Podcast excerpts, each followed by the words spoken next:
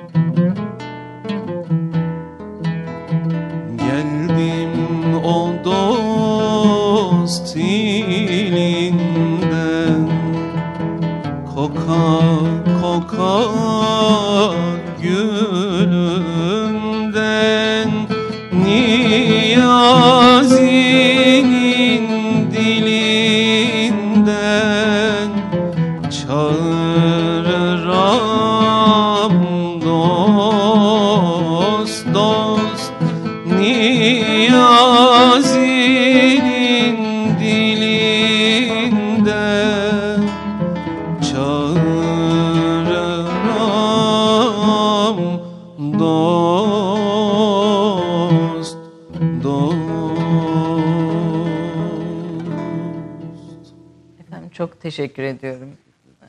Beydullah Sezikli'ye. Hoş geldiniz hocam. Hoş bulduk efendim. Niyazi Mısri ile açtık. Anadolu'nun e, sesini, musikinin e, diliyle yansıtarak başlamak istedik. Çünkü siz de Anadolu'nun sesine tercüman olan, bugünü aktaran bir tasavvuf tarihçisi, Tabii. araştırmacısı, bir gönül adamı, derviş gönüllü birisiniz. İnşallah öyle oluruz. yazdığınız eserlerle aslında bugünkü hayatta e, ne yapılabilir Müslüman olarak kalmanın yolları konusunda da gençlere e, örnek oluyorsunuz. Sadece tasavvuf tarihi araştırmalarıyla değil. Her şeyden önce Bursa'dan geldiniz. Tekrar hoş geldiniz Hoş diyorum. bulduk. Ubeydullah Sizlikli sizin talebeniz aynı zamanda. Eyvallah. Öğrendiğim kadarıyla musiki yoluna da onu siz itmişsiniz. Öyle diyorlar. Öyle değil. Onun gibi ve pek çok talebe gibi. Hocamın tavsiyesiyle başladınız herhalde. Ya, okula geldiğimizde ben konservatuvar 2'deyken fakülteye başlamıştım. Böyle şarkı falan okurken dedi ki herkes şarkı okuyor da şunun tarihini biraz öğrenin dedi. Biraz o konuda yazı yazın dedi. Şimdi Emir Sultan İmam Mustafa Efe ile bizi böyle o tarafa doğru, Doğru. kanalize eden hocam Allah razı olsun kendisinden gerçekten yetiştirdiği insanlar sanat camiasında özellikle yani ben hep şu sözü söylüyorum. Mesele e, herkes çalgıcı olabilir fakat çok az sanatkar yetişir. Bunun sebebi de onun tarihini bilirseniz, kültürü bilirseniz, medeniyeti bilirseniz sanatkar olursunuz. Yoksa öteki türlü sıradan bir icra yaparsınız diyelim. Tabii gönül adamlarının şeyini bu, Eyvallah. buradan ayrı tutalım. Hocamın Ee, hakkı ödenmez yani Evet, e, İstanbul Üniversitesi İlahiyat Fakültesi öğretim üyesi Ubeydullah Sezikli. Eşi Ahlatçı Sezikli yine bir sanatçı. E, hemen e, genç arkadaşımı da söylüyorum. O da bir doktora öğrencisi. E, Emre Işık. Bulana kadar burada. Hoş geldiniz efendim. geldiniz. Siz de bu alanda doktora çalışması yapıyorsunuz efendim. E, Valla Mustafa Kara deyince bir külliyat var tabii e, önümde. İşte tasavvuf tekkeler tarihinden başlayarak hatta bunun ilk çalışmasını yapan e, bir, birisisiniz aynı zamanda tasavvuf ve tekkeler üzerine. E, kurulan ilahiyatlarda ilk tasavvuf ana dili başkanı siz oldunuz diye biliyorum. Bilmiyorum. e, Yani olmayabilirim. iddia iddialı olmayalım o. E, teziniz ne Ama zaman? benim hocam Süleyman Uludağ tabii. Süleyman Uludağ tezinizi ne zaman e, yaptınız? Tezimiz aslında e, bendeniz 77'de Bursa Yüksek İslam Enstitüsü'ne as- asistan oldum. E, o zaman Süleyman hocamın danışmanlığında e, İbni Teymiye'ye göre İbni Arabi isimli bir konuda tez yaptım.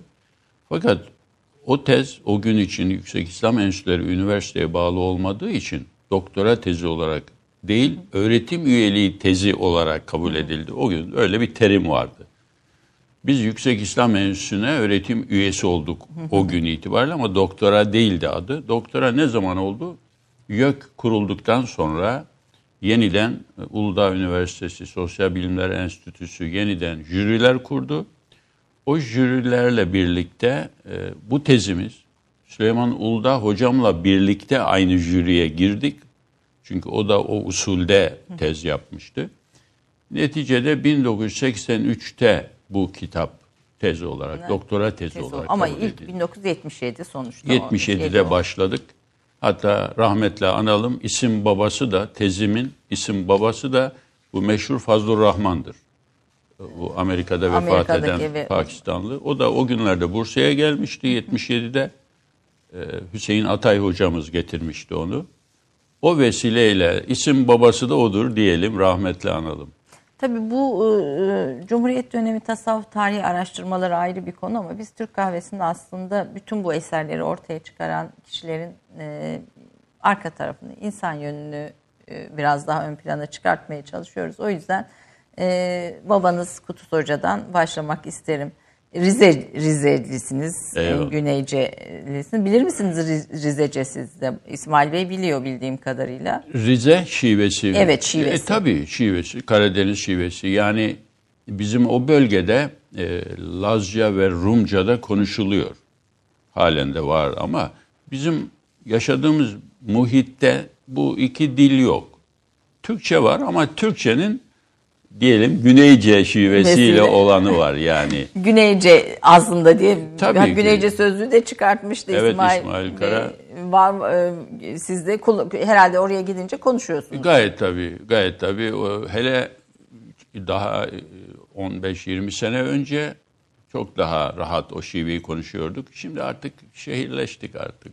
Oradaki çocuklar da şimdi gibi kol- dili konuşuyorlar. Şimdiki dili. Ama biliriz yani caldım cittim onları biliriz. E, ne zaman diliniz e, değişti yani E tabii e, İmam Hatip'e başla, başlamadan başlamakla Peki e, babanızı konuşmak istiyorum çünkü sizi tasavvuf tarihi araştırmaya ve bu yola iten e, sebepler neler diye sorsam siz bunu üç formülle izah ediyorsunuz ama kısaca onları açarak başlayalım. Evet.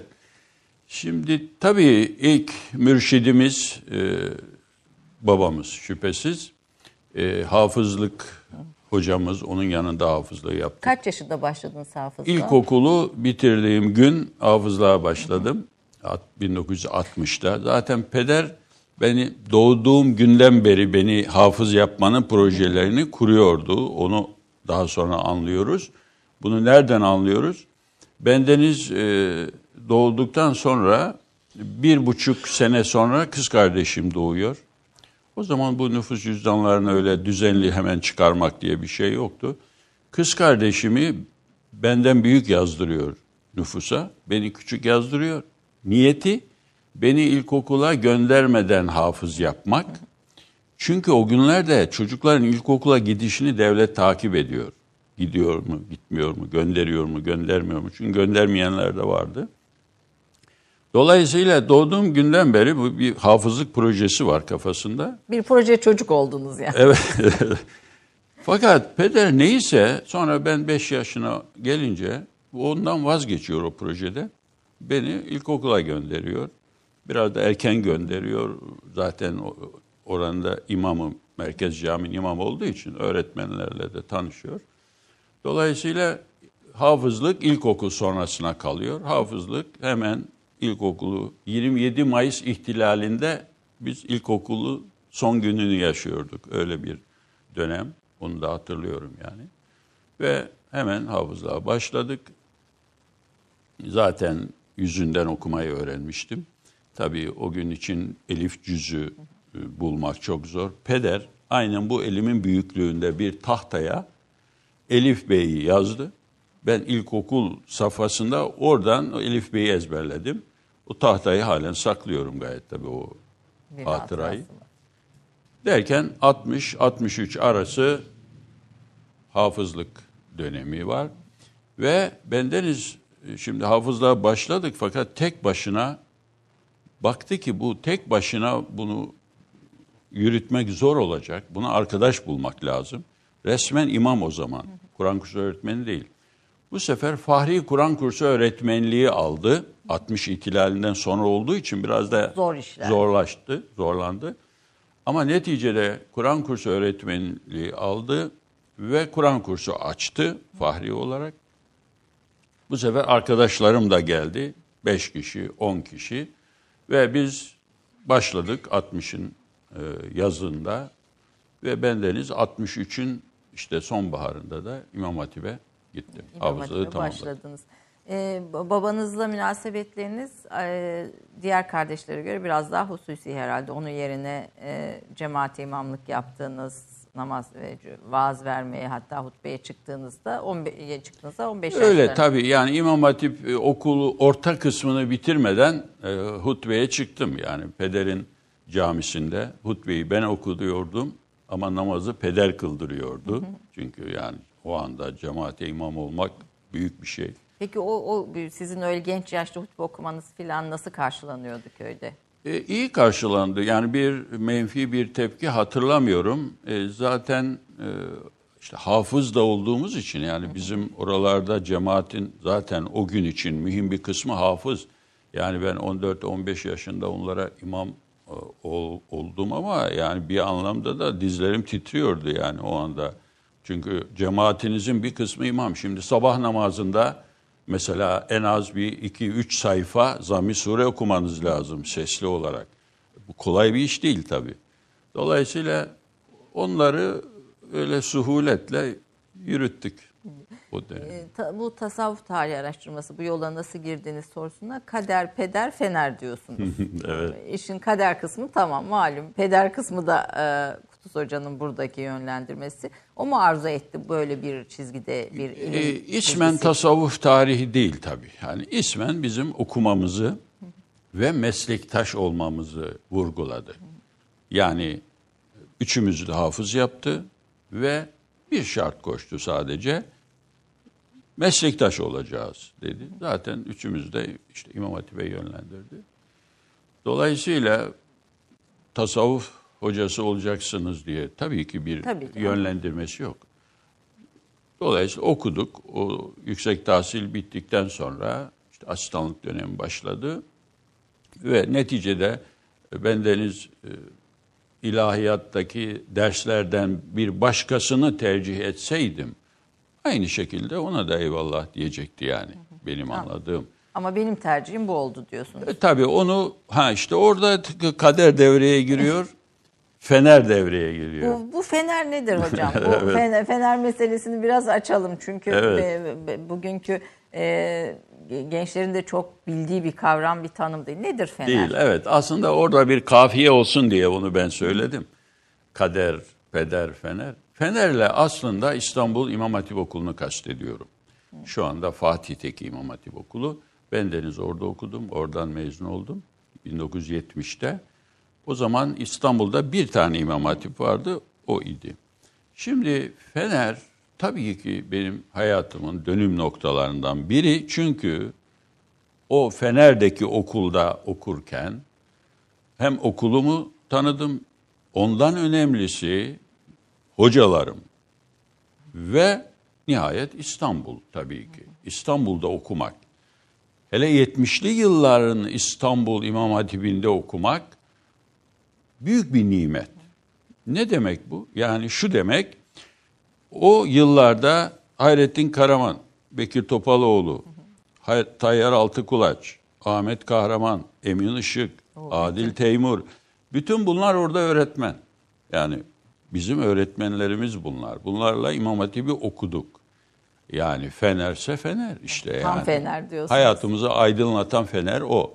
Artı bu 64-70 arasındaki e, o Fener hayatım bana İstanbul'un üç büyük şahsiyetini ve bu üç büyük şahsiyetin çıkardığı dergileri her ay düzenli takip etme imkanı verdi.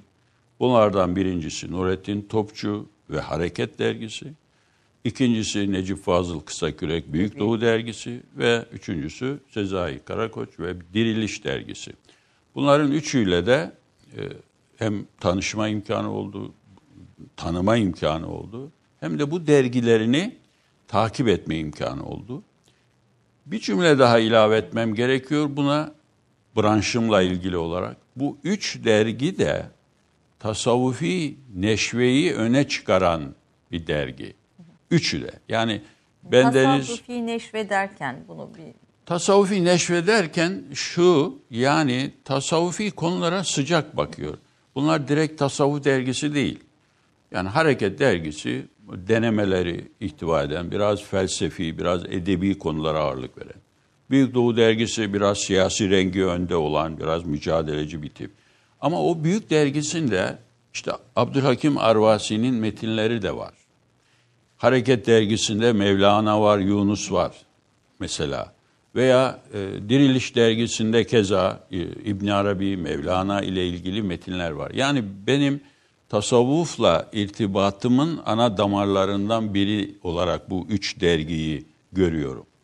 Ve bu üç şahsiyet de öyle yani başta Topçu, Necip Fazıl bunlar zaten bir şekilde tasavvuf kültürüyle irtibatlı.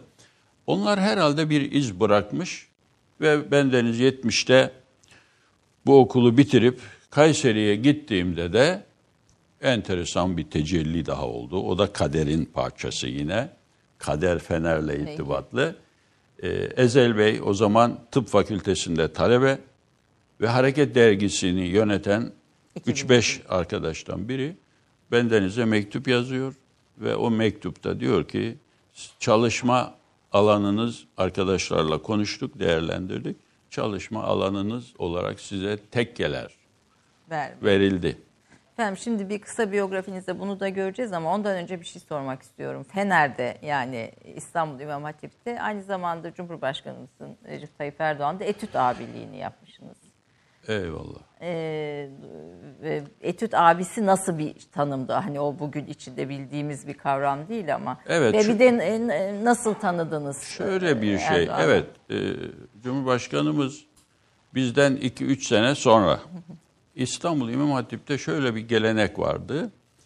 E, yatılıydık tabii. E, devlet yatılısı değil, İlim Elma Cemiyet'in yatılısı ama okula bitişikti yurt. E, bir ara başka bir binada da kaldık. Şimdi akşam mütalası o, o günkü tabirle şimdi etüt deniyor. E, her zaman her gün akşam işte belli bir saatten sonra yatma saatine kadar mütalaa olur.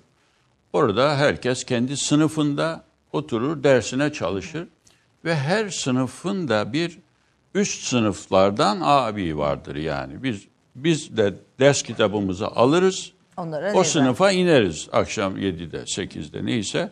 Masaya, öğretmen masasına otururuz. Biz kendi dersimize çalışırız. Diğer çocuklar da artık bizden küçük olan çocuklar da kendi derslerine çalışırlar. Orada disiplini temin ederiz. Soracakları bir şey varsa sorarlar, ederler. Ve neticede böyle bir yakınlıkta oluyor tabii. Yani o çocuklarla, küçüklerle bir muhabbet oluşuyor. Aranızda var mıdır böyle bir muhabbet? Vardır tabii ama daha sonra tabii işimiz, mesleğimiz Farklılaştı. e, olunca yoksa Ee, tanışıyoruz. O, o döneme ait zihninizde e, Erdoğan'la ilgili, Sayın Erdoğan'la ilgili kalan bir iz var mıdır? Yani şöyle bir çocuk veya bir e, değerlendirmeniz e, olmuş mudur? Şu an e, o an o günler için yani hatırlamıyorum ama daha sonraki yıllar için o zaman kaçıncı sınıftaydı bilmiyorum. E, Bir münazara ekibi vardı. Bizim İstanbul İmam Hatip e, Okulu o yıllarda İstanbul'daki liseler arası bütün yarışmalarda iki konuda ilerideydi. Yani iki konuda şampiyonluk bize aitti her zaman. Bunların birincisi liseler arası münazara yarışması, ikincisi güreş. Diğer konularda pek e, o, birinci olamazdık yani. Dolayısıyla bu konularda müthiş o, o toptan, toplantılara giderdik, kalabalık, alkışlar vesaireler. O noktada işte Recep Bey'in bizden sonraki neslin münazara ekibinde yıldızı parlayanlardan biriydi. Yani hitabeti o günden beri vardır yani onu hatırlıyorum. Evet. Peki efendim bir e, hayat öykünüzü çok kısa e, e, asıl e, önemli e, dönemeçleriyle birlikte izleyelim, biyografinizi izleyelim. Ondan sonra sohbetimize devam edeceğiz.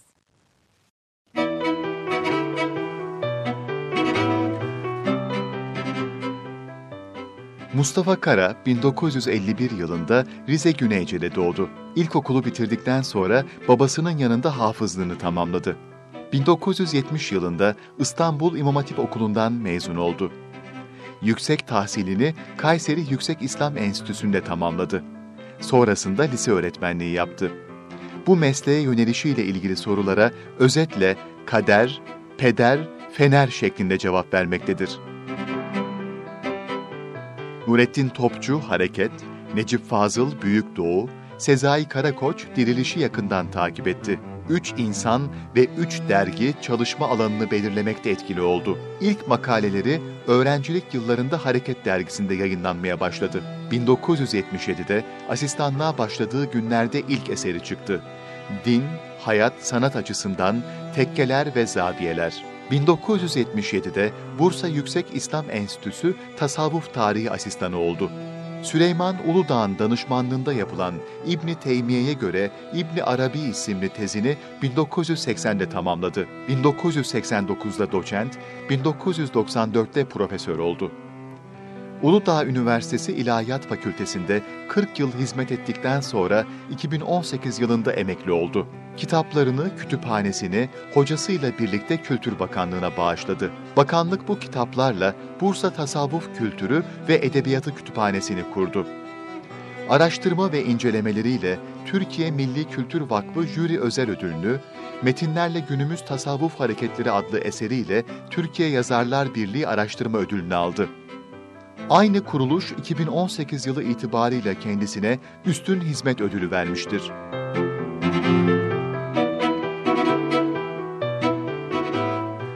Türklerin İslam'la tanışması bir anlamda tasavvufla tanışmasıdır diyen Mustafa Kara, bir tasavvuf tarihçisi olmasının yanı sıra sanat, estetik ve ahlak meseleleri üzerine yoğunlaşmış, bir kar topuna benzettiği tasavvuf düşüncesinin eriştiği her bölgeyi araştırma sahası içine dahil etmiştir. Din, hayat, sanat açısından tekkeler ve zaviyeler, tasavvuf ve tarikatlar tarihi, İstanbul, Niyazi Mısri, Eşrefoğlu Rumi, Dervişin Hayatı, Sufi'nin Kelamı, Hal tercümeleri, tarikatlar, ıstılahlar, Balkanların Gönül Sultanları, Buhara, Bursa, Bosna, şehirler, İstiklalimizin Bülbülü Mehmet Akif Ersoy, 28 Şubat öncesi ve sonrası Türkiye'de Dini Hayat isimli kitaplar eserlerinden bazılarıdır.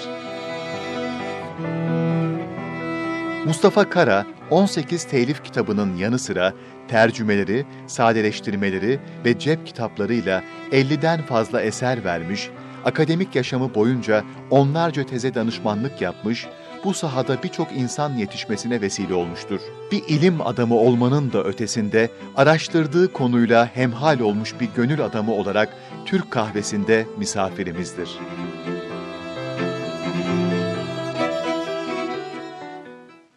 İslam coğrafyasını da yakından biliyorsunuz. Ya, verdiğiniz eserler içinde var. Kaç ülke, kaç e, şehir var kalbinizde yer etmiş olanlarda da? Evet. E, aslında e, yurt dışı seyahatlerim oldu. 20'den fazla ülkeye gittim değişik vesilelerle. Ama hiçbirinde böyle uzun boylu kalma imkanım olmadı ne yazık ki. E, o tabii ki o şehirlerden e, halen gidemediğim ve gitmek gönlümde e, hasreti olan birkaç şehir var tabii. Henüz oralara gidemedim. Bendeniz'in bir kitabının adı Buhara, Bursa, Bosna'dır. E, oradan evet. Evet ama çekti. Buhara'yı henüz göremedim ne yazık ki. Bu Türk Cumhuriyetlerin hepsine gittim. Oraya henüz gidemedim. Kazan'ı görmek isterim mesela. New York'u görmek istemem yani. Benim için çok mühim bir yer değil. Ama Kazan'ı görmek isterim. Herat'ı görmek isterim mesela. Ee, bunlar çünkü kültür tarihimizin önemli şehirleri. Ee, dolayısıyla şimdi bu dış e, seyahatlerde eskiye göre daha zor oluyor tabii yolculuk vesaire. İnşallah oralarda görürüz. İnşallah. Bu arada fotoğraf da çekiyorsunuz bildiğim kadarıyla. Minare evet. fotoğrafları İslam dünyasından bu 20 ülkeden çekilmiş e, minareler. Minareler neden önemli bu kadar? Evet minareler tabii ki bizim sembollerimizden biri. Birçok e, fotoğrafım var. Değişik konularda e, koleksiyonlarım var fotoğraflarda. Çocukluktan itibaren de çeker. Evet İmam Hatip'ten beri fotoğrafa bir merakım var. Ee, bizim peder de bu fotoğraf işlerini israf gördüğü için o nesil biraz o gözle oh, bakar. Evet. Rahmetli Muhammed Hamidullah da e, vesikalık dışındaki fotoğrafları israf kabul ettiği için toplantılarda fotoğraf çektirmezdi. Hatta bendenizin bir fotoğrafı var Hamidullah'ın. Şöyle bir fotoğrafı var. Yani çekme diyor aslında. Böyle bir fotoğraf e, muhabbetimiz var eskiden beri. E, ama tabii minareler bir bizim sembollerimizden biri olduğu için, İslam dünyasının sembollerinden biri olduğu için veya şöyle de denebilir, minarelerde okunan ezanda iki önemli konu var. Biri Allah, biri Muhammed. Dolayısıyla dinin özeti yani dinin özeti olan bir mesajı insanlara sunduğu için minareler fevkalade önemli. Dolayısıyla ahşap minareler başta olmak üzere e, onları çekiyorum. Ama ne yazık ki ahşap minarelerimiz yok ettik. Koca Bursa şehrinde bir tane ahşap minare var. Onu da koruyalım. Hanım.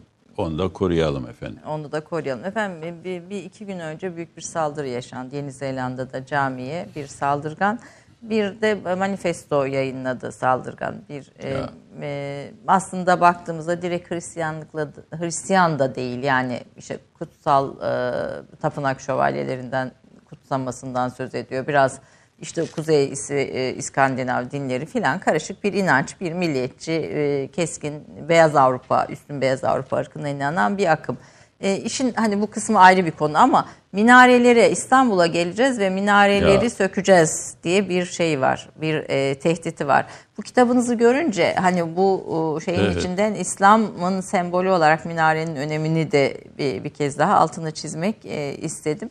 E, bu, burada farklı minare çeşitlerinde e, belki böylece görmüş olabiliriz. Efendim yavaş yavaş aslında e, Nurettin Topçu sizin hayatınızda önemli birisi ve bir ahlak e, abidesi ve aynı evet. zamanda bir ah evet. getirdiği ahlak konusu. Gönlümün ustalarından biri. Gönlünüzün ustası evet. Biraz oradan devam edelim. Aslında e, siz gönül mimarları diye tanımlıyorsunuz tasavvuf alimlerini. Gönül Eyvallah. mimarlarınızı araştırmaya da sizi e, sevk eden birisi. E, Nurettin Topçu e, kısaca bize farklı olarak ne söyler? Bugüne bugüne ne söyleyebilir? Evet, Nurettin Topçu denince bendenizin aklına o ipek kozası geliyor. İpek kozası. Bir kitabım bir, bir kitabımda öyle söylüyorum. Ee, bu dünyada insanlardan sonra en çok ipek böceğini seviyorum. Niçin? Sebebi şu. İpek böceği bu dünyanın en değerli şeyini üretiyor ve fakat kimseye göstermiyor. Vitrinlere oynamadan kozasını örüyor ve çekip gidiyor. Topçu denince bendenizin de aklına böyle bir şey geliyor. Yani mühim bir şey söylüyor, esaslı bir şey söylüyor. Fakat vitrinlere oynamıyor. Alkışın olduğu yerlerden kaçıyor. Ama söylediği şeyler çok mühim. Nedir en en önemli e, noktası? En önemlisi aşk diyelim. Yani söylenebilecek çok şey var da aşk diyelim ya veya din diyelim isterseniz. Yani neticede topçunun bu topluma söylediği şey ahlak diyelim ona isterseniz daha da güzel belki. Ahlak dönüp dolaşıp bütün kitaplarına ahlak diyebilirsiniz. Aslında bu bütün büyükler için kullanılabilir. Ahlak bu kadar önemli mi derseniz çok önemli ahlak. Çünkü ahlak meselesi o kadar büyük bir konudur ki Peygamber Efendimiz peygamber olarak görevlendirilişinin sebebini bu kelimeyi kullanarak izah ediyor. Yani ben hatırlıyorsunuz hadis-i şerifi evet. ben ah, tamam. ahlakı tamamlamak için geldim. Dolayısıyla buna topçuyu hesaplarsanız eğitim diyebilirsiniz, insan diyebilirsiniz, tasavvuf diyebilirsiniz, gönül eğitimi diyebilirsiniz. Ama neticede bu insanın bir muhabbet damarı var ya, hani demin o, o çirkin olay sebebiyle insanın bir nefret damarı var, bir de muhabbet damarı var. Mesele, mesele insan, insan ortaya koyacaksak, bu muhabbet damarını geliştirecek bir mekanizma, bir eğitim dünyası kurmamız gerekiyor. Topçu'nun eserlerinden biri de Türkiye'nin marif davası. Ne anlatıyor orada? Baştan sona aslında anlattığı bu kainatın en mükemmel varlığı olan bu 9 ay 10 günlük varlığı kamil bir noktaya nasıl taşırız? Mesele bu, eğitim bu, okul bu, sınıf bu, öğrenci bu, öğretmen bu. Dolayısıyla benim gönül mimarı oluşumun, oluşunun e, rahmetli Topçu'nun sebebi bu. Bana bunları hatırlattı yani bunları söyledi. İnsan ruhunu kemale taşımak için nelere dikkat etmesi gerekir? Bunun adını her zaman tasavvuf da koymuyor doğrudan. Tasavvuf kelimesini de belki her zaman kullanmıyor ama netice kelam o çocukluğundan itibaren aldığı bilgileri, Fransa'da öğrendiği bilgileri, döndükten sonra Celal Hoca ile ve Abdülaziz Bekkine ile oluşan gönül birlikteliği ile birlikte bir koza örüyor. Ve bu kozayı da gürültüye patırtıya papuç bırakmadan, vitrinlere de oynamadan, alkışlara da tapmadan oturuyor, kendi kozasını örüyor, kitaplarını yazıyor ve bir, bir ve dava bir bir dava bırakıyor. Evet. Onun yarınki Türkiye'nin kurulacağı temelleri tasvir ederken Anadolu toprağından kaynayan bir kan, evet. cemaat için harcanan emek, bin yıllık bir tarih, otoriteli bir devlet ve ebedi olduğuna inanmış bir ruh. ruh. Diyor. Var mıdır sizin de yarınki Türkiye ile ilgili böyle e, hayalleriniz? Eyvallah. Şüphesiz ondan ondan öğrendiklerimizi tabii e, anlamaya çalışıyoruz tabii. Anladıktan sonra yaşamaya çalışıyoruz. Yaşayabildiğimiz oranda tabii bu kitaplarımızın da bir etkisi olacak. Yoksa bu kitaplar da kağıt ziyanlığıdır Ayşe Hanım. Kağıt ziyanlığı diye bir ifade var. Bu Orhan Şahik Gökay Hoca'nın ifadesidir. Bu böyle abur cubur kitaplar için kağıt ziyanlığı diyor. Bizimkiler de öyledir büyük oranda. Eğer ama eğer o muhabbet damarını yakalayabilirsek, o muhteşem damarı, ki o ilahi bir damardır aynı zamanda. Yani Allah'ın Vedud isminin tecellileri onlar yani. O damarı yakalayabilirsek ve yaşayabilirsek, Bunların da bir bereketi olacak. Topçunun bereketi varsa bundandır. Yani topçunun bereketi o gönlündeki güzelliklerdendir. Bizi sihirleyen taraf odur yani. Yoksa bir şey olmaz. Önemli olan yaşamak, onu hal haline, Şüphesiz. e, o ilmi hal haline getirmek diyorsunuz. Tasavvufa ve Anadolu Müslümanlığının aslında biraz da bizim programımızın merkezinde olan e, özelliklerine geçeceğiz ama kısa bir reklam arası vermek zorundayım. E, Bu arada Ubeydullah Bey reklamdan sonra ne dinleyeceğiz? Sevgili Abbas Yahya ile derlediğimiz bir ilahi. E, Bir, Aldın canımı benden, yıktın varımı neden diyeceğiz. Evet. e, o, tamam mıdır hocam? Tamamdır. Tam mutabıkız. Peki, Tamamdır. peki efendim. Reklamlardan sonra buradayız. Bir dakika reklam arası. Romandan şiire, tarihten düşünceye, klasik metinlerden özel edisyon çalışmalara kadar geniş bir yelpaze ve yüksek bir frekanstan yayın yapmayı hedefleyen Ketebe, şimdiden Türk kültür hayatında kalıcı ve önemli bir yer edindi. Edebiyatımızın seçkin eserlerine, genç kalemlere, tarihimizin engin zenginliğine, dünya edebiyatının hem güncel hem de klasik metinlerine, düşünce dünyamızın, maneviyat tarihimizin köşe taşlarına ve gün yüzüne çıkmamış değerlerine ev sahipliği yapmak, Ketebe'nin yayın politikasının omurgasını oluşturuyor. Dünya standartlarında bir yayıncılık anlayışı ve deneyimli kadrosuyla yola çıkan Ketebe yayınları, kitaba, kağıda ve söze hürmet eden bir medeniyetin parçası olarak her şeye geçer, yazı kalır diyor. Reklam arası sona erdi.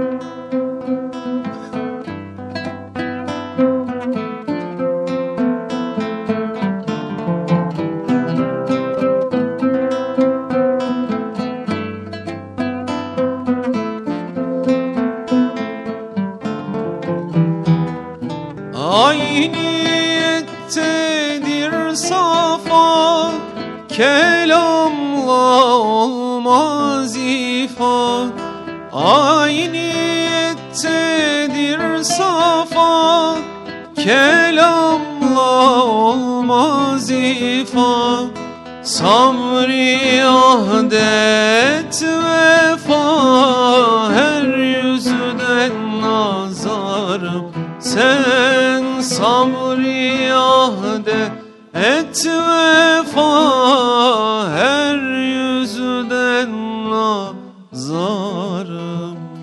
sen Teşekkür ederim. Kelam ile olmaz ifa diyor efendim. Evet. Sözün özü dervişliğin özü nedir hocam? Eyvallah dervişliğin özü nedir? Tekrar o ahlak kelimesine dönebiliriz. Yani dervişliğin özü gönlümüzü Allah'ı sevebilecek bir kıvama taşımak. Allah'ın sevebileceği bir kıvama taşımak. Bu ifade bir ayet bildiğiniz gibi. Yani e, Allah onları, onlar Allah'ı severler. Aslında bize gösterilen hedef bu. Kur'an-ı Kerim'de bazı ayetler bize hedef olarak gösterilir. İlk etapta onları halletmek kolay değil gayet tabii. Ama hedefimiz bu. Hedef Allah onları, onlar Allah'ı severler. Orada muhabbet kelimesi kullanılıyor yani tekrar oraya atıfta bulunursak yani. Muhabbet işin merkezinde. Bir başka ayette de bunu başka bir terimle bize izah ediyor. Diyor ki Allah onlardan, onlar Allah'tan razıdır. Mutmain Razı olmak. olmak, mutmain olmak. Yani düşünün Allah bizden razı olacak. Bizim ondan razı olmamızı izah kolay. Fakat Allah bizden razı olacak. Burada rıza kelimesi öne çıkıyor. İşin özü nedir? Bu rızadır dersek yanlış değil. İşin özü nedir? Bu muhabbettir dersek yanlış değil. Dolayısıyla işin özü yine bir başka Kur'an'daki ifade kalbi selim deniyor Kur'an'da. Tertemiz kalp. Hedef olarak gösterilen bu yani. Bu tertemiz kalbe nasıl ulaşacağız? Asıl soru da bu aslında. Ana Zor soru bu. olan da bu. Tabii ki.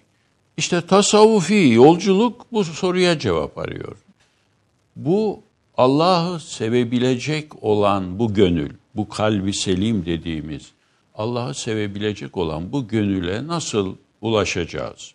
Aslında bunun da formülü yine Kur'an-ı Kerim'de var. Allah diyor ki, beni sevmek isteyenler peygamberime tabi olsun. Mealen bu yani. Dolayısıyla bendeniz bu formülü şöyle geliştiriyorum. Yani Allah'ı sevmek isteyenlerin yapacağı ilk iş belli. Hazreti Muhammed'i sevmek aleyhisselam. Peki o zaman şöyle bir soru sorma hakkınız var diyorum. Peygamberi nasıl seveceğiz? Ona da şöyle devam ediyorum. Allah'a aşık olabilmek için Muhammed'e aşık olmak lazım. Muhammed'e aşık olabilmek için Muhammed'e aşık olanlara aşık olmak lazım. Buradan tasavvufa bir yol açıyorsunuz. Evet. Yani büyüklerle tanışmadan bu iş olmaz. Bu iş bu iş hani bir söz var. Azizle aziz olunur. Bu iş büyüklerle birlikte olur. Tasavvuf eğitimi budur zaten. Bunun şekli boyutunu koyalım bir tarafa. Aslında bu işin eğitimi sizin ifadenizle bu dervişliğin özü nedir? Bu dervişliğin özü bu işin ustalarını bulup onların tecrübesini alarak yürümek. Tabii hangi ustalar belki burada? Ee, Çünkü e, bir de bu işin yıkıcı, saptırıcı tarafları da var. İslam'dan uzaklaştırıcı tarafları da var. Burada ölçü nasıl e, şekillenmeli? Evet gayet tabii ölçüsü belli. Aslında az önce söylediğimiz e, ayetten yürürsek gayet tabii. Ölçü Allah Peygamber. ve Muhammed'in yolu aleyhisselam. Bu iki esas olmadan, bu iki kanat olmadan bu yolda yürümek mümkün değil. Fakat bu insanoğlu denen varlığın öyle enteresan mekanizmaları, öyle enteresan güçleri var ki Allah Muhammed dediği halde bambaşka yollara giden insanlar da var. Doğrudur. Yani o o sapık yollar bizim sapık mezhepler, sapık tarikatlar dediğimiz kitaplarda anlatılan şeyler doğrudur. Onlar tarihte olmuştur. Bugün de benzerleri vardır. Bugün de onların benzerleri vardır. Adı şöyledir veya böyledir. Dolayısıyla bu sapık yolların varlığını kabul ediyoruz. Fakat bunlarla nasıl baş edeceğiz? Bunlarla nasıl başa çıkacağız? Bunun için o usta meselesi var ya, ustayı bulmak. Bu ustayı bulmak işin can damarıdır. Bu ustayı bulduğumuz zaman kazanıyoruz veya kaybediyoruz. Çünkü insanoğlu bazen bu işin sahtekarlarına da aldanabiliyor. Bu günümüzde de daha çoktur yani. Bu eskiden yoktu anlamına gelmez. Yani tasavvufi Her zaman olmuş. Daha Resulullah hayattayken bile biliyorsunuz. Yalan her zaman var. Her çıkıyor. zaman var. Fakat günümüzde bu biraz daha arttı. Öyle gözüküyor veya biz onu Daha yaşadığımız çok için duyuyoruz haber. daha çok duyuyoruz. İletişim organları da artınca daha da çok duyuluyor. Bu her zaman var ama burada işte o o ustayı, o gönlümüze kıvam verecek olan kişiyi kim ise o onun mutlaka tasavvuf ehli olması da gerekmez. Onu da söyleyelim yani öyle daraltmayalım konuyu. Bendeniz bunu anlatırken diyorum ki öğrencilerime İslam yüz şeritli bir otoyoldur. Yüz şeritli bir otoyoldur. Bu şeritlerden biri tasavvuftur. Tasavvuf da kendi içinde yüz şerittir. Bu çokluğu anlatmak istiyorum bununla. Dolayısıyla yol bir tane değil. Yol geniş. Bazen kafamızla o yolu daraltıyoruz. Buna taassup diyoruz işte. Kafamızla İslam'ı daralttıkça, daralttıkça daraltıyoruz ve aklımızca insanları o yola davet ediyoruz. Bu da bir çıkmaz sokak tabii. Mümkün değil bu. Niye mümkün değil? Bunu nereden anlıyoruz? Şundan anlıyoruz. Allah Kur'an'da ey insanlar diyor. Ey insanlar. Yani kendi yoluna davet ettiklerine böyle hitap ediyor. Bu ne demek Ayşe Hanım? Bendenize göre bu şu demek. İslam caddesi, otoyolu bugün için yedi buçuk milyarı içine alacak kadar geniştir. Geniştir, evet. Bunu bazen daralttıkça, daralttıkça daraltıyoruz. Kendi kafamıza göre bir şekle sokuyoruz ve ona da İslam diyoruz. Böyle bir çıkmaz noktamız var. Tasavvufi hayat, tasavvufi düşünce işte belki bu noktada bizim işimize yarayabilir. Bunu da daralttıkça daraltan dervişler vardır biliyorum. Ama bu vazifemiz değil. Bu yanlış, işin yanlış yorumudur, tefsiridir. Dolayısıyla ey insanlar esprisini kaybedenler insanları dine davet edemez. Kendi anlayışına davet Ancak edebilir. davet ettikleri İslam değildir daha Değildir. doğrusu. Tabii e, ki. Belki.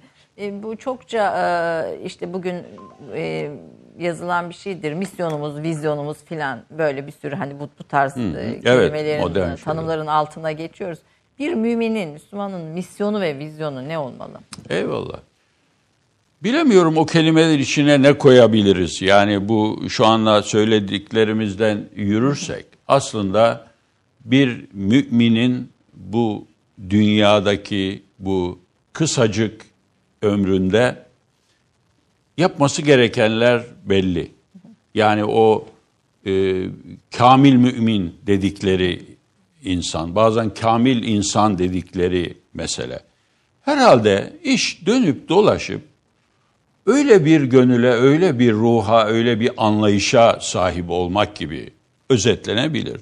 Tabii geniş bir konu tabii bu, bu konuda da başka şeyler Yani biraz yaratılış amacı belki biraz da e, özellikle bugünün e, dünyasında tanımlarken amaçsız toplumlar, amaçsız bireyler. Eyvallah. Yaratılış gayesinin e, farkına varmayan bireyler olarak e, tanımlıyoruz. Yani bireyi Öyle. de özellikle altını çizerek kullanıyorum.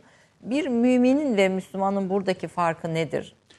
Evet, bu herhalde bu yine Kur'an-ı Kerim'indeki ifadeyi kullanırsak kulluk meselesine yoğunlaşmak gerekiyor.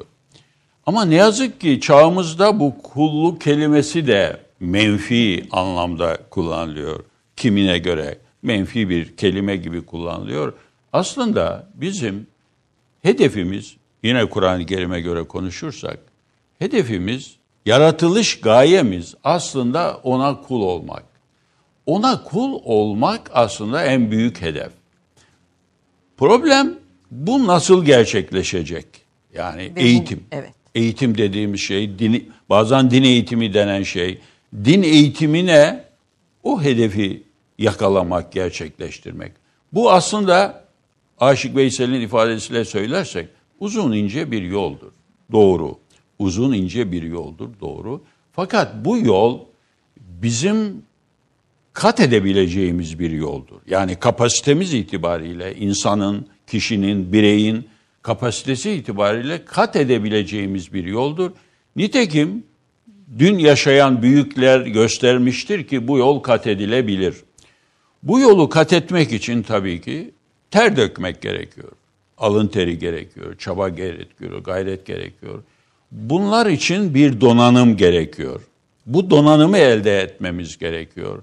Burada işte zaman zaman bizi zorlayan, donanımı, donanımımızı engelleyen veya problemli hale getiren fikirler, görüşler, yorumlar da bazen engelleyici oluyor. Ve fakat biz bu ipi göğüsleyebilecek bir yaratılışla yaratıldık. O yola düşmek, sabırla oradan, o yoldan yürümek gerekiyor. Yaratılışın e, gayesini anlamak, idrak, e, idrak Eyvallah. etmek için e, çaba sarf etmek gerekir. Anadolu Müslümanlığı diye bir tanım kullanıyoruz. Biz de bu program vesilesiyle Anadolu'ya, e, Anadolu'nun sesini daha doğrusu daha çok duymaya gayret ediyoruz. E, Ahmet Yesevi ile başlayan da bir süreç var. Anadolu Müslümanlığını veya Anadolu Türklerin İslam'la tanışmasının getirdiği e, kazanımlar neler olmuştur? Eyvallah. Türkler açısından elbette. Evet soruyu sorarken aklıma gelen ifadeyi hemen söyleyeyim. Ee, Mekke'de Muhammed, Türkistan'da Ahmet diye bir ifade var. Yani Tabii kıyas e, değil elbette. eyvallah. Ya, o, onun yol, yolunun yolcusu tabii Ahmet Yesevi şüphesiz. Hani Efendimizin de bir adı da Ahmet'tir ya. Şimdi Ahmet Yesevi ile başlayan hani bendenizin Buhara, Bursa, Bosna üçlemesiyle söylersek yani Türklerin Müslüman oluşuyla birlikte Ahmet Yesevi ile birlikte başlayan bu gönül yolculuğu böyle bir mecra takip ederek bugünlere geliyor. Şimdi Anadolu Müslümanlığı ile çok farklı kişiler farklı şeyleri kastedebilir. Biraz geniş bir terimdir. Aslında şunu söylemek, söyleyerek başlamak lazım. Din e, coğrafyalara, şehirlere, bölgelere sığan bir şey değil. Yani din bütün dünyayı kaplayan bir şey. Din işte o ey insanlar ifadesiyle birlikte bütün kainatın ışığı, nuru. Bu anlamda dini bir coğrafya, coğrafyaya hapsetmek mümkün değil. Madde bir. Ama madde iki şöyle bir gerçek de vardır. Bu büyük hakikati, bu büyük gerçeği herkes, her toplum, her insan kendine göre anlar, kendine göre kavrar, kendine göre içselleştirir. Dolayısıyla bugün Güney Asya dediğimiz Hindistan, Pakistan bölgesini içine alan insanların da bir İslam dini anlayışı vardır. Fas'ta Atlas Okyanusu'nun kenarındaki insanların da anladığı, özümsediği, benimsediği bir İslam düşüncesi vardır. Bunlar arasında tabii ki ton farkları vardır. O kelime-i tevhiddeki iki ana konu değişmemek kaydıyla, bu iki ana kanat değişmemek kaydıyla gayet tabii. Ama Fas'taki bir Müslümanın bazı hassasiyetleriyle Bombay'da yaşayan Müslümanın hassasiyetleri Aynı aynı, olamaz. olmayabilir. Kaşgar'daki bir Müslümanın dertleriyle Kurtuba'daki bir Müslümanın dertleri farklı olabilir. Bu anlamdaki bu farklılığı da görmek lazım. Ama biz Anadolu Müslümanlığı ile veya Türk Müslümanlığı ile bazen Türk Müslümanlığı ifadesi kullanıyor. Bunu bu özel anlamda kullanabiliriz. Türkler Müslüman olduktan sonra büyük bir şans eseri olarak bendenize göre Ahmet Yesevi'nin neşvesiyle bu dine e, dahil olmuşlar. Yani tasavvufi bir neşve ile, Ahmet Yesevi'nin hikmetleriyle ki o hikmetler sadece tasavvuf konuları değil, diğer dini diğer konuları da içine alan ve daha da güzeli şiirle dinle tanışıyor bizim dedelerimiz. Manzumelerle, şiirle ve dolayısıyla musikiyle tabii. Bugün bile e, ben Deniz Kazakistan'da dinledim onları. Yesevi Han diye bilinen insanlar var. Sadece Ahmet Yesevi'nin hikmetlerini ilahi olarak okuyorlar. Var mıdır bizim literatürümüzde hiç? Var, evet. Evet. Bu şey beste olarak diyorum. Yani hatta Yesevi Han kadınlar var. Ben fotoğrafını da çektim o zaman orada. Yani bir grup e, hanımefendi o gün o Ahmet Yesevi türbesinin açılışı vardı 1900 2000 2000 yılında. Yesevi Han kadınlar e, hikmetleri manzum olarak okuyor. Aslında bu bir gelenek hocam. Mesela Anadolu'da da bunu çok görüyorsunuz. Bazı divanları dervişhane oturur, e, gelenek olarak ezbere okur. Mesela Evet. Erzincan'daki Salih Baba divanını ben gördüm. Ya ezbere okuyorlar hala. Doğrudur. Yani- E, makamla. Makamla okuyor. Tabii. evet. O bizde de var. Tabii Muhammediye de okunuyor. Mevlid gibi yani. Mevlid gibi Muhammediye de okunuyor. O gelenek bizde var. Yani bu bir şanstır. Yani din yani dini hissiyat Ayşe Hanım insanlara musikinin güzelliğiyle sunuluyor yani. Musiki için ben yıllar önce e, rahmetli Cünüçen Tanrı Korun'un bir makalesinde okumuştum.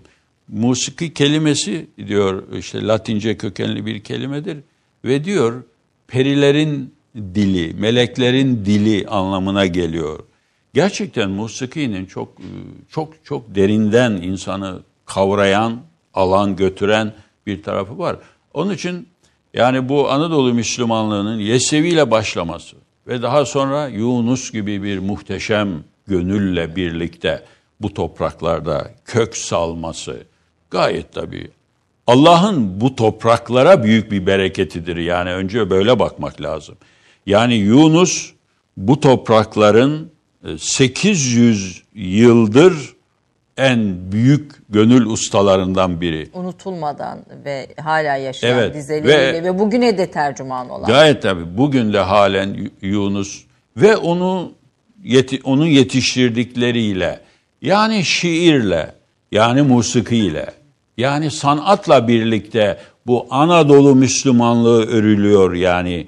Bunun daha sonra Balkanlara taşıyoruz. İşte az önce Balkanlardan e, bir Dinledik. name dinledik. Dolayısıyla bu e, Türkçe konuşan dünya diyelim isterseniz. Bendeniz bu Arapça, Farsça, Türkçe üç medeniyetimizin üç dili diyorum bunlara.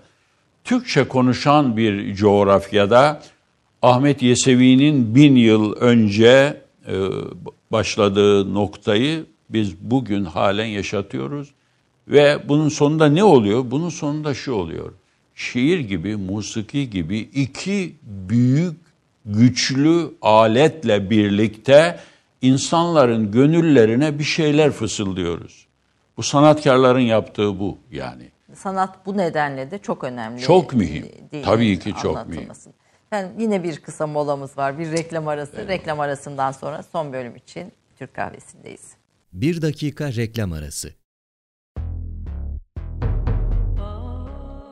Romandan şiire, tarihten düşünceye, klasik metinlerden özel edisyon çalışmalara kadar geniş bir yelpaze ve yüksek bir frekanstan yayın yapmayı hedefleyen Ketebe, şimdiden Türk kültür hayatında kalıcı ve önemli bir yer edindi. Edebiyatımızın seçkin eserlerine, genç kalemlere, tarihimizin engin zenginliğine, dünya edebiyatının hem güncel hem de klasik metinlerine, düşünce dünyamızın, maneviyat tarihimizin köşe taşlarına ve gün yüzüne çıkmamış değerlerine ev sahipliği yapmak Ketebe'nin yayın politikasının omurgasını oluşturuyor. Dünya standartlarında bir yayıncılık anlayışı ve deneyimli kadrosuyla yola çıkan Ketebe yayınları, kitaba, kağıda ve söze hürmet eden bir medeniyetin parçası olarak her şeye geçer, yazı kalır diyor. Reklam arası sona erdi. Efendim Türk Kahvesi'nin son bölümü. Böyle başta biraz yavaş yavaş yapıyoruz sohbette fakat sona gelince hızlanmak zorunda kalıyoruz. e, ilahimizi de eser, eserimizi de e, sona bırakacağız. E, Türkiye'ye değer katan isimleri Türk Kahvesi'nde bu masada ağırlamaya gayret sarf ediyoruz ve gerçekten pek çok isim var. Türkiye'ye değer katan eserleriyle, çalışmalarıyla, alandaki değer, derinleşmeleriyle ve tabii bütün bunun e, ötesinde bugüne dair yorumlarıyla Mustafa Kara da bunlardan birisi. Pek çok öğrenci yetiştirmişsiniz. Sizinle ilgili e, işte Ezel Bey'le ve, başka insanlarla da konuştuğumda e, söyledikleri bir şey vardır. Çok cömert ve gönül insanı olduğunu söylerler. Biz de bunu çok kullandık. Yani kendisi gerçekten derviş ruhludur da. Fakat bunu yaparken hemen Talip Küçükcan değerli akademisyenimiz bir mesaj atmış Hocam o kadar geniş gönüllüdür ki kitapçılarda öğrencilerinin borcunu öderdi diyor. Ee, doğrusu çok e, etkileyici bir şey. Bu e, herhalde sizin bir adetiniz, bir şeyiniz. Evet, e, bu sırrımızı faş etmiş oldu yani bu kıdemli öğrencimiz. E, yani o tarz şeyler yaptık zamanında.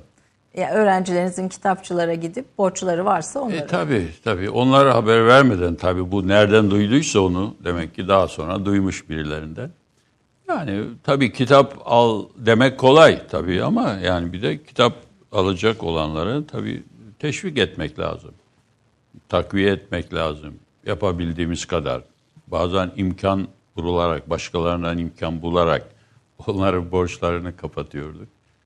Şimdi de şimdi daha çok e, kitaplarımı hediye etmekten mutluluk duyuyorum yani. Şimdi. Bir kütüphane e, kurma fikri sizde çocukluktan beri bildiğim kadarıyla var. Evet. Evet kadarıyla. yani İmam Hatip'le birlikte kitap alma, kitap biriktirme sevdamız oldu. Ve bütün bu 50-60 yılda biriktirdiğim kitapları Kültür Bakanlığı'na başladım. Burada da reklamımızı yapalım yani. E, ve Bursa'da Kültür Bakanlığı e, Bursa Tasavvuf Kültürü ve Edebiyatı Kütüphanesi'ni kurdu.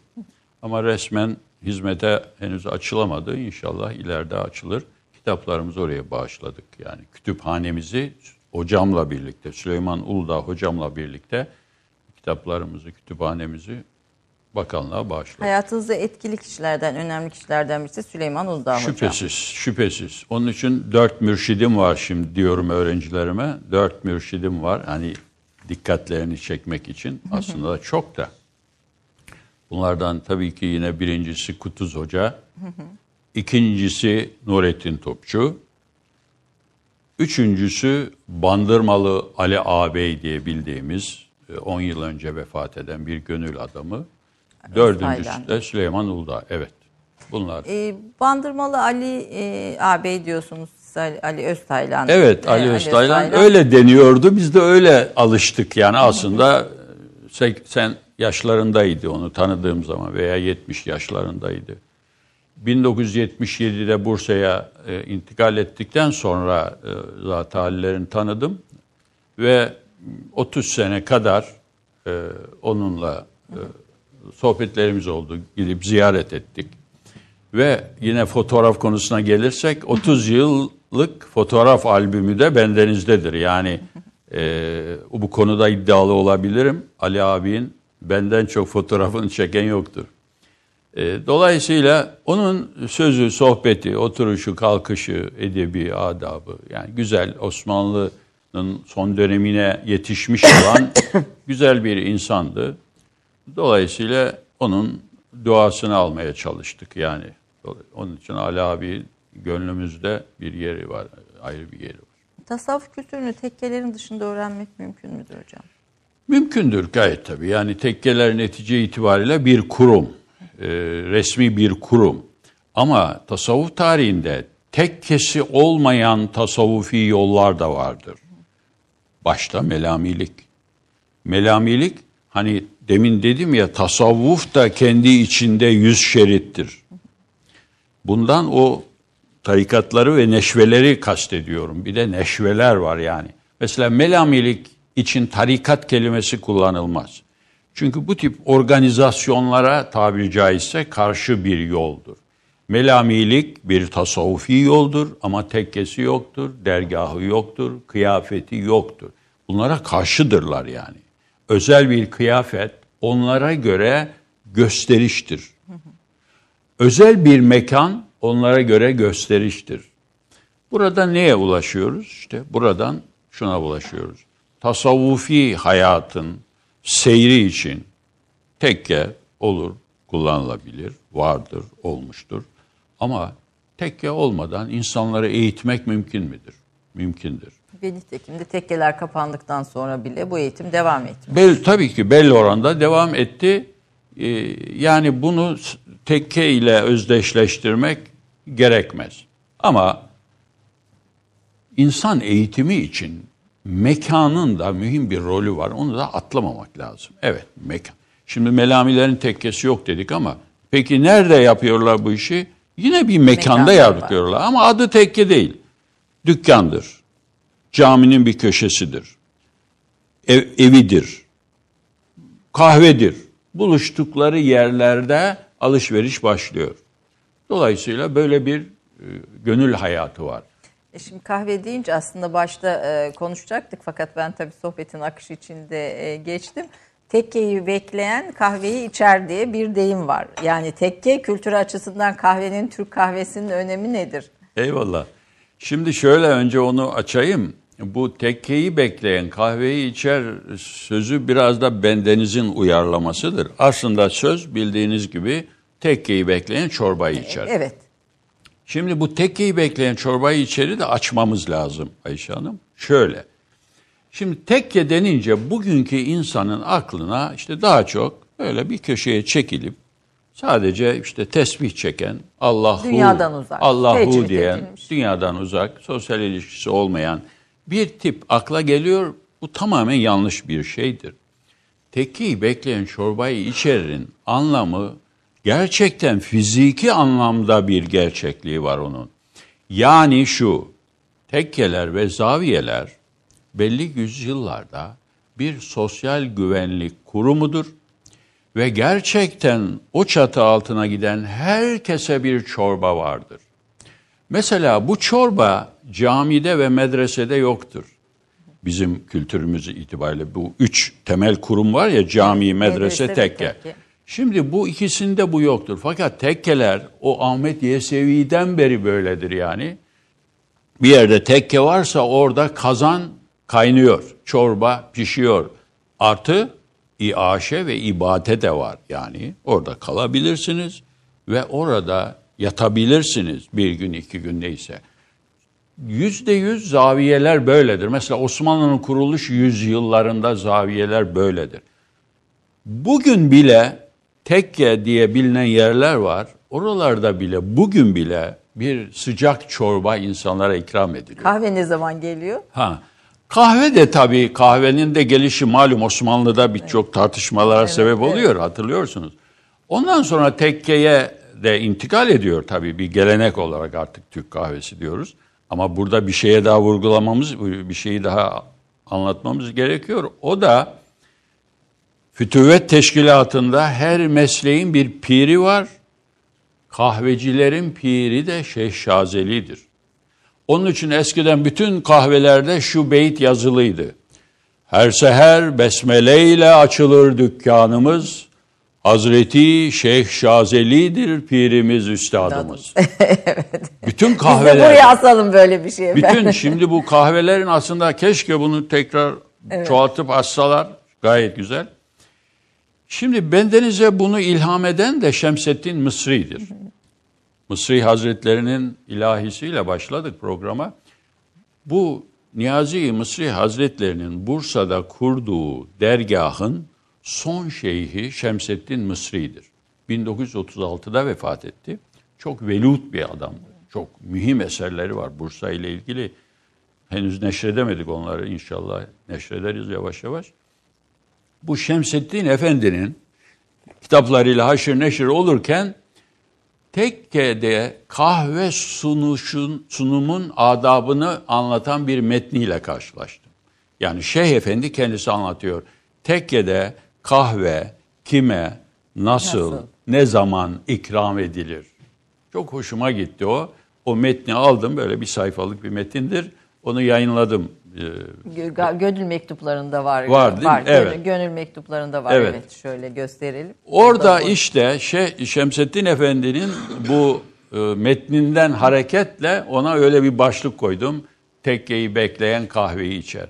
Yani tekrar ikisini birleştirirsek aslında tekkede çorba da var, yemek de var, su da var, kahve de var ama onların hepsinden daha önemlisi gönül yolculuğuyla ilgili faaliyetler var tabii ki. Ee, Bugünün cihadı nedir diye aslında bitirmek istiyorum. Süremiz böyle çok da e, az kaldı. Tabii şeyi de sormak istiyordum. Bu Yeni Zelanda olayıyla birlikte bir nefret dili de e, karşı nefret dili de elbette ortaya çıkacak ve elbette e, bu- bunun olmaması duygu olarak da mümkün değil. E, Mevlana'nın gönül mektuplarında dikkatimi çekti. Moğol istilası döneminde Mevlana'yı Moğol ajanı olarak suçluyorlar. E, oradaki felsefe ve yaklaşım e, geçer e, bugün içinde geçerli midir? Yani çağın her döneminde Müslümanlara taarruz eden bir şey olmuştur. Her zaman için olmuştur. Eyvallah, tabii. E, buradaki Müslümana, mümine yakışan tavır nedir? Eyvallah. Şimdi tabii bu e, Moğol meselesi veya işte nefret ve muhabbet dili meselesi aslında dini insanlara anlatmakla görevli olanların tabii ki muhabbet dili önde olmalı. Yani Mevlana işte o zaman diyordu, evet bir Moğol derdi var, bir Moğol meselesi var. Belki onun bu tarafa gelişinin sebeplerinden de biri o. Ama diyordu, biz, biz yani bu dini insanların gönüllerine aktaracaklar. Biz Moğol olan insanlara da Allah'ın dinini anlatmakla görevliyiz. Biz insanları öldürmekle görevli değiliz. Savaş olur tabii savaşın şartları var ona karşı tavır koyarsınız tabii ki o onun şartları farklı. Fakat tekrar şöyle anlatıyorum bu konuyu. Dini insanlara anlatmakla görevli olanların uslubu farklı olmalıdır. Onun için Mevlana diyor ki biz Moğolları yaratan Allah olduğuna inanıyoruz. Biz böyle bir Allah'a inanıyoruz. Evet Moğollar kırıp geçirdiler İslam dünyasını. Bunu tasvip etmek mümkün değil. Buna alkış tutmak hiç mümkün değil. Bütün medeniyeti ezdi geçtiler silindir gibi. Ama diyor biz bununla birlikte buna karşı devlet tavır tabii ki koyacak ama biz ama aynı zamanda bu Moğolları yaratan, bu Yeni Zelanda'daki adamı yaratan insanın da Allah olduğunu biliyoruz. Biz biz fırsat bulursak yani demek istiyor. Biz fırsat bulursak o adama da muhabbetullahı anlatırız. diyoruz. Bunun için çaba sarf ederiz. Peki tek bir cümleyle büyük cihat nedir? Bugün Evet büyük efendim? cihat nedir? Ben onu çok e, aktüel hale getirerek anlatıyorum. Aslında büyük cihat tasavvufi kültüre göre cevap verirsek aslında büyük cihat işte o Allah'ın istediği kalitede bir kul olmak. Bunun için savaşmak. Bunun için savaş vermek. Buna kimi nefis eğitimi diyor, kimi ahlak eğitimi diyor, kimi ruh eğitimi diyor, kimi tasavvuf eğitimi diyor. Hepsine eyvallah. Fakat bendeniz bu çağdaki bu kapitalizmin bizi çok cılız ve zebun hale getirişi var ya. Bu zebun kelimesi de bana o Yavuz Selim'in beytini hep hatırlatıyor. Şiirler pençe-i kahrımda olurken lerza, beni bir gözleri ahuya zebun etti felek diyor. Çok zebun hale düştük Ayşe Hanım bendenize göre. Yani kapitalizm, materyalizm ve sekülerizm bu üç büyük put diyorum bunlara ben. Bunlar bizi çok zebun hale getirdi ve dikiş tutturamıyoruz. Hiçbir ciddi işte dikiş tutturamıyoruz. Onun için diyorum ki öğrencilerime bu çağın en büyük mücahidi kimdir? Bu çağın en büyük mücahidi helal yollarla büyük paralar kazanan ve bu büyük paraları kendi sağlığında Allah için harcayandır. Evet, çok teşekkür ediyorum. Katıldığınız. Sohbetinizden e, faydalandık. E, sadece bir sürü başlığın içinde çok azına değinebildim. Böyle bir panik de oluyorum böyle durumda. Yani işte e, babanızın dualarını kitaplaştırmıştınız. Kur'an-ı Kerim'den dua ve yakarışlar. Oradan bir dua okumak istiyordum. Bursalı Akif Mevlidi, Kadınlar Mevlidi'ne değinmek istiyordum. Biraz Eyvallah. daha detaylandırmak istiyordum ama başlıkların sadece küçük bir kısmını konuşabildik. Çok çok teşekkür ediyorum. Ubeydullah Bey finali bir şeyle yapalım, musikiyle. Eyvallah. Hocam ma- madem diyor gönüllere giden yol sanattan ve musikiden geçer. Ve onun kesintiye uğramadığını biz hocama gösterelim. Gösterelim. Evet. Erzurum'da e, şu an yaşayan birisi, bir a- abimiz Hüseyin Kotan. Hazreti Geylani için güzel bir güfte yazmış. İşte değerli şimdi onu besteledi. Biz de Medet Ya Geylani albümünü okuduk. Hani bunlar hep de küllere tapınmak değil gelenek. Bu hala yaşadığını Ve yaşadığını gösterelim, göster. yaşandığını Evet. gösterelim diye bu eserle bitirelim Tamam, inşallah. buyurun.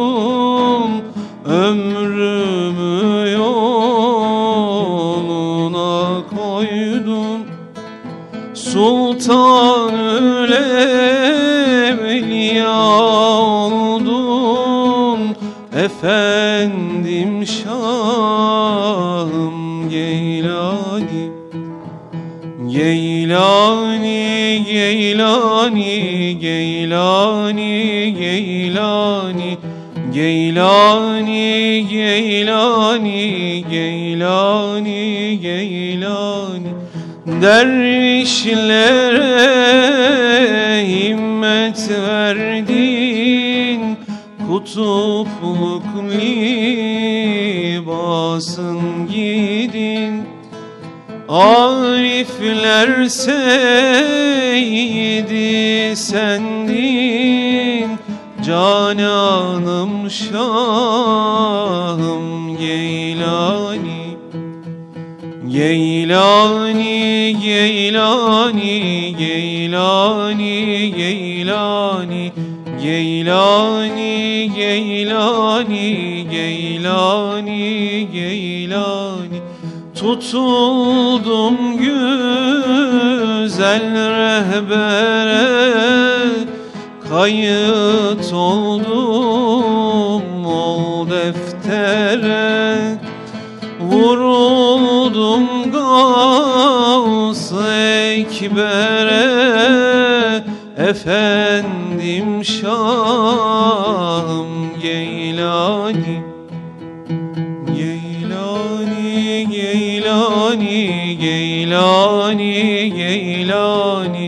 Geylani, Geylani, Geylani, Geylani. Huzurda boyunlar eğdik Halkayı zikire girdik. Allah için canlar sevdik Efendim Şahım Geylani Geylani, Geylani, Geylani, Geylani, Geylani, Geylani, Geylani, Geylani.